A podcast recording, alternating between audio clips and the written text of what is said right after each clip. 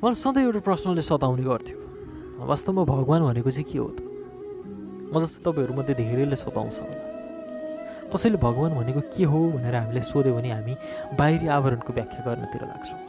भगवान् कृष्ण हुन् भगवान् शिव हुन् भगवान् राम हुन् भनौँ।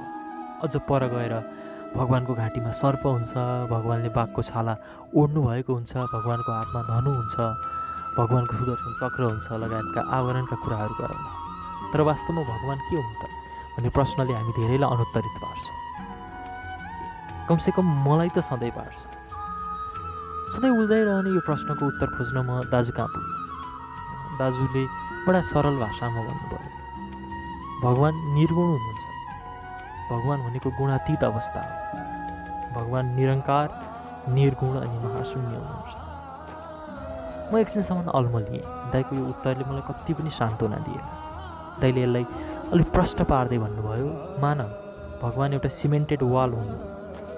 तिमीले त्यहाँ ढुङ्गा फाल्छौ ढुङ्गा फर्किएर तिमीतिरै आउँछ। तिमीले फुल फाल्छौ फुल फर्किएर तिमीतिरै आउँछ। तिमीले जुन वस्तु एउटा सिमेन्टेड वालमा फाल्छौ त्यो वस्तु फर्किएर तिमीतिरै आउँछ। भगवान्लाई पनि निर्गुण तत्त्व भनेर बुझ कहिलेकाहीँ हामी यति धेरै इमोसनल भइदिन्छौँ कि हामीले भावनाहरूसँग जोडेर थुङ्गा गाँसेर भगवान्लाई प्राप्त गर्न खोज्छौँ। एक तहसम्म त्यस्ता भावना गाँसिएर भगवान्सँग जोडिन खोजेका सम्बन्धहरूले फाइदा त गर्ला। तर एक हिसाबको डिसपोइन्टमेन्ट या भनौँ उदासी पनि त्यस्ता सम्बन्धहरूले दिन सक्छ। हामीले जति बेला इमोसनहरू मिस्छौँ जति बेला हामीले मनोभावहरू मिस्छौँ यी सम्पूर्ण कुराले हामीलाई नै सताउँछ।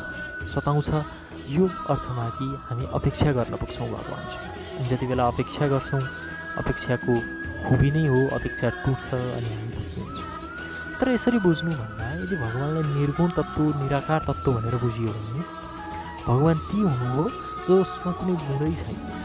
हामीले जुन गुण प्रदान गर्न खोज्छौँ त्यही गुण हामीले प्राप्त पनि गर्छौँ। उही सिमेन्टेड वालमा हामीले फुल फ्याँक्यौँ भने फुल नै प्राप्त गर्छौँ। हामी श्रद्धा अनि प्रेम भगवान्लाई अर्पण गरौँ। श्रद्धा अनि प्रेम नै हामीले वापस पाउँछौँ।